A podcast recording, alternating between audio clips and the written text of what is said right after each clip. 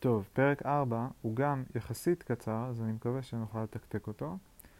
אה, ספציפית גם לתקתק אותו במסגרת הזמנים שיש לי, שזה קצת פחות מחצי שעה, אז אולי אפילו ממש צריך לתקתק אותו. יאללה, מתחילים. Suggestion and libido. Uh, כן, פרק 4. We started out from the basic fact that an individual within a mass experiences as a result of the influence of the mass what is often a far-reaching change in his mental activity. His affectivity is extraordinarily enhanced, while his intellectual performance is noticeably reduced. Both, both processes clearly tending towards an increasing resemblance to the other individuals in the mass, a result that can be achieved only through a lifting of the inhibitions peculiar to each individual and through that individual renouncing his special structures of inclination. We have heard that these often unwanted effects are at least partially held back by a superior organization on the part of masses, but the basic fact of mass psychology, namely the two propositions of affect enhancement and thought inhibition in the primitive mass, is not contradicted thereby. What interests us, though, is finding the psychological explanation for this mental transformation of the individual within the mass. Finding, אני חוזר, finding the psychological explanation for this mental transformation of the individual within the mass. למה אינדיבידואלים משתנים ב, uh, בתוך uh, קהלים, uh, המונים, ספציפית יותר רגש, פחות שכל, פחות חשיבה רציונלית. Rational factors, such as the intimidation of the individual mentioned above, i.e., the action of the individual's self preservation drive, clearly fail to cover the phenomena to be observed.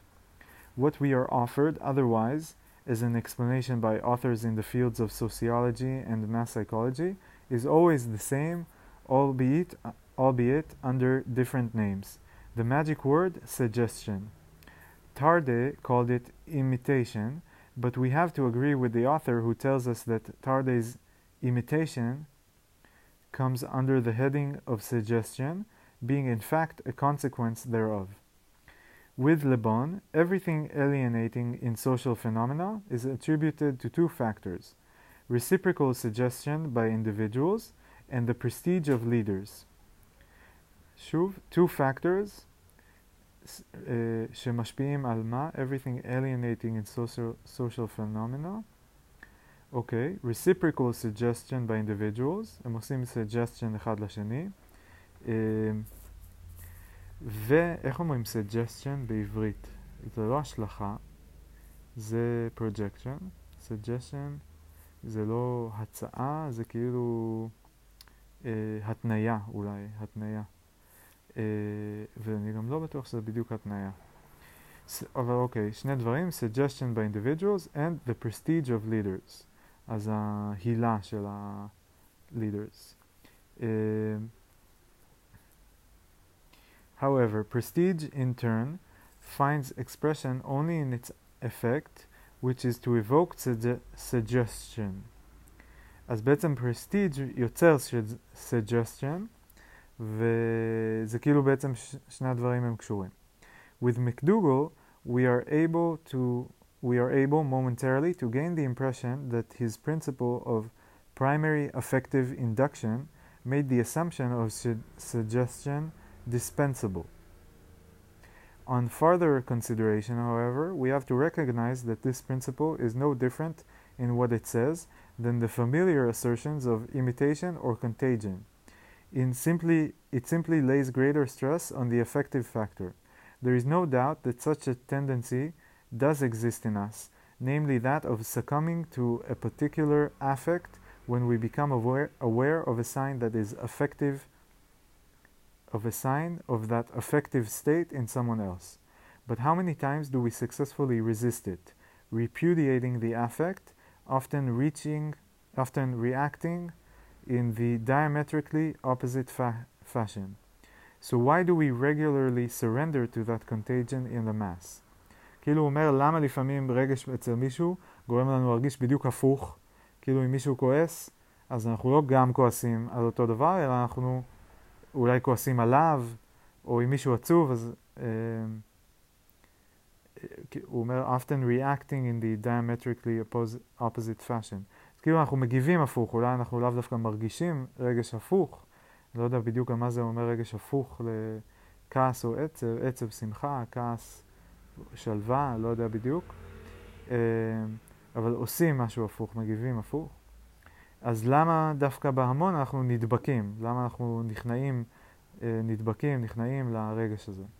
Again, we shall have to say, it is the suggestive influence of the mass compelling us to obey this imita imitative tendency that induces the affect within us.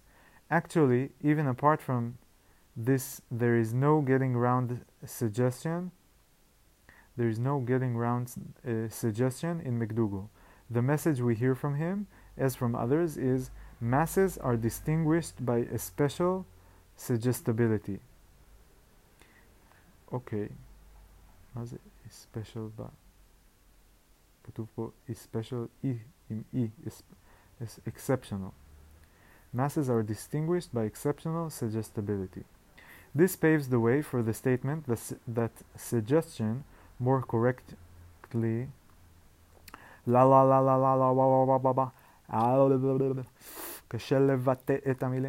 that suggestion more correctly suggestibility is in fact something fundamental something irreducible a basic fact of human mental life. Such was the view taken by Bernheim to whose astonishing skills I witnessed personally in 1889. However, Mise Bernheim, Hippolyte Bernheim, French physician, neurologist. Okay. However, I remember a vague hostility to this tyranny of suggestion even then. If a patient who was not proving submissive was told forcefully, But what are you doing? Vaus vaus contre suggestiones. אני לא יודע באיזה שפה זה. I said to myself that this was a clear case of injustice and an act of violence. The man, I felt, had every right to counter suggestions if an attempt is being made, made to subjugate him with suggestions. My resistance subsequently took the form of a rebellion against allowing suggestion, which explained everything to evade explanation itself. In this connection, I recalled the old riddle Christopher before uh, Christopher bore Christ. But Christ carried the world. So tell me, what was Christopher standing on at the time? Christopher bore Christ, but Christ carried the world.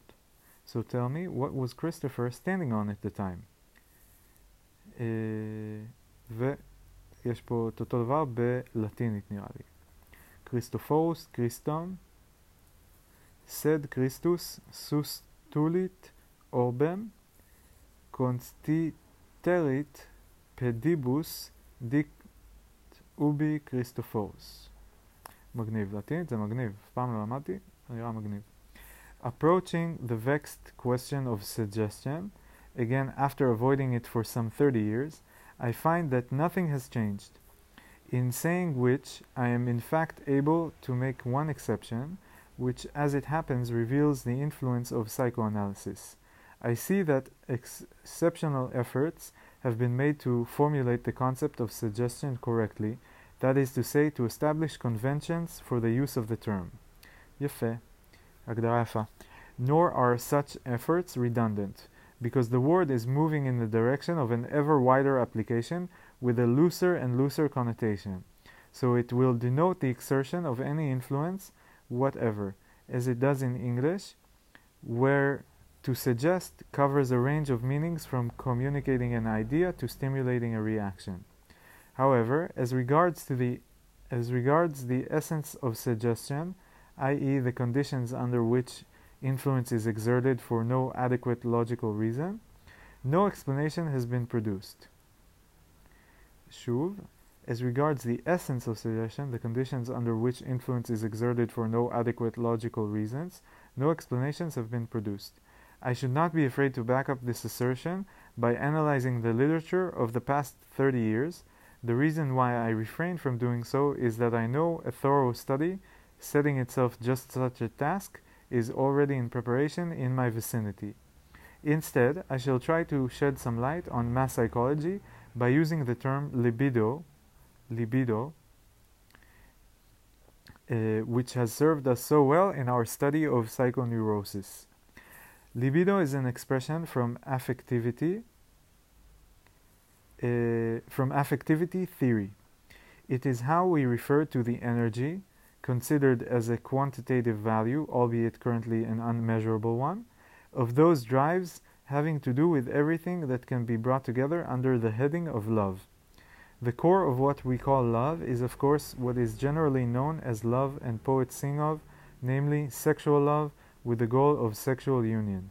However, we do not separate off from that the other things that share the name of love. Self love, on the one hand, on the other hand, parental and infant love, friendship, general love of humanity, and even dedication to concrete objects as well as to abstract ideas. יפה, פירוט יפה של צורות שונות של אהבה. Our justification is that psychoanalytic investigation has taught us that all these urges are expressions of the same drive impulses as push the sexes in the direction of sexual union. And though in other circumstances they may be pushed away from that sexual goal or stayed in its achievement, nevertheless, they always preserve enough of their original essence for their identity to remain recognizable. Self sacrifice, striving for greater closeness. We feel then that with the word love in its multiple applications, language has effected a wholly justified synopsis, and that we cannot do better than place our scientific discussions and descriptions on the same foundation. By taking that decision, psychoanalysis unleashed a storm of indignation, as if it had been guilty of some wanton innovation. Yet, with this extended conception of love, psychoanalysis was doing nothing original. The philosopher Plato's Eros coincides perfectly in its origin, action, and relationship to sexual love, with the libido of psychoanalysis as Nachmanson and Fischer and Nachmanson and Pfister have shown in detail. And if the Apostle Paul prized love above all else, all else in his infamous slicha, and if the Apostle Paul prized love above all else in his famous first letter to the Corinthians, he undoubtedly understood in it in the same extended sense. כאילו extended במובן של לא רק sexual, אלא גם הורים, חברים, אהבה לאובייקטים ורעיונות. Which just goes to show that people do not always take their great thinkers seriously, even when they profess great admiration for them. Okay, in psychoanalysis, these love drives, a potiori, apotiori, זה מונח בלטינית כנראה, and because of their origin, אוקיי, okay, לא הבנתי, לא נורא, are referred to as sexual drives. Most educated people, finding this choice of name offensive, have taken their revenge by saddling psychoanalysis with the charge of pansexualism, Anyone who regards sexuality as something shameful and degrading to human nature is, of course, at liberty to use the more genti- genteel expressions eros and eroticism. I could have done so myself from the outset and spared myself much opposition as a result. However, I chose not to, being keen to avoid concessions to feeble heartedness אוקיי, אז אני מנסה רגע להבין מה הוא אומר, אז הוא כאילו אומר שליבידו מבחינתו זה אהבה, זה לא רק סקשואל, זה כולל גם סקשואל, אבל למי שלא נעים לו הוא יכול להגיד גם ארוס אה, או אירוטיסיזם, אה, שזה כאילו מונחים יותר עדינים, אבל גם הם בעצם לפי מה שהוא טוען, שגם פלייטו, אה, אפלטון, כשהוא דיבר על הדברים האלה, אז הוא בעצם כלל בפנים גם אהבה אפלטונית, אה, מצחיק, אה, ולא רק אהבה רומנטית, אירוטית וכולי. אה, זהו. אבל, uh, והוא, אוקיי, והוא יכול היה לחסוך לעצמו הרבה ביקורת אם הוא היה עושה את זה גם, פרויד, אבל הוא, uh, הוא, לא, הוא לא נוהג uh, uh, להיכנע ל-feeble heartedness. Uh, okay, there is no knowing where such an avenue will lead. One gives way uh, over words at first, and then little by little, indeed as well. I cannot see that anything is gained by being ashamed of sexuality. After all, the Greek word eros, which apparently softens the offense, is quite simply the translation of our German word liebe. And ultimately, the man who can wait need make no concessions. Wait for what? So we shall try adopting the premise that love relationships to use an inert exp- expression, emotional ties, uh, also form part of the essence of the mass mind. Also form part of the essence of the mass mind, as love relationships form part of the essence of the mass mind. Uh, let us remember that the existing literature makes no mention of them. In it, what would constitute their equivalent is obviously hidden from view, from view behind the folding screen of suggestion. הוא כאילו, אוקיי, אני מנסה להבין מה הוא אומר. הוא אומר שכאילו, זה לא רק suggestion שגורם לאנשים להשפיע אחד על השני בתוך המונים, וזה לא רק suggestion שיוצר את הדבק הזה שמחבר ביניהם, אלא זה גם love relationships. זה נראה לי הטענה שלו. We base our expectation initially on two brief thoughts. First, that the mass is obviously held together by some kind of force, but to what force could such an achievement be better ascribed than to Eros, which holds the whole world together? Second, that the impression given when the individual surrenders his uniqueness in the mass and admits the influence of others is that he does so because of an inherent need to be in agreement with those others rather than in opposition to them. So he may in fact be doing it in hand zuliebe, for their sake. okay, as shuv. אני We based our expectation initially on two brief thoughts. First, that the mass is obviously held together by some kind of force, but to what force could such an achievement be better ascribed to than Eros, which holds the whole world together? Second, that the impression given when the individual surrenders his uniqueness in the mass and admits the influence of others is that he does so because of an inherent need to be in agreement with those others rather than in opposition to them. So he may in fact be doing it for their sake. לא הבנתי איך זה for their sake אם זה need שלו to be uh,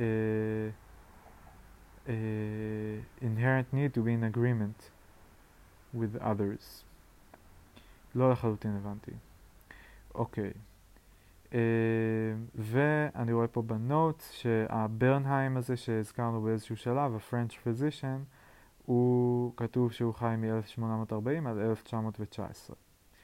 סתם חשוב לי, אני אוהב על אנשים לדעת מתי הם חיו.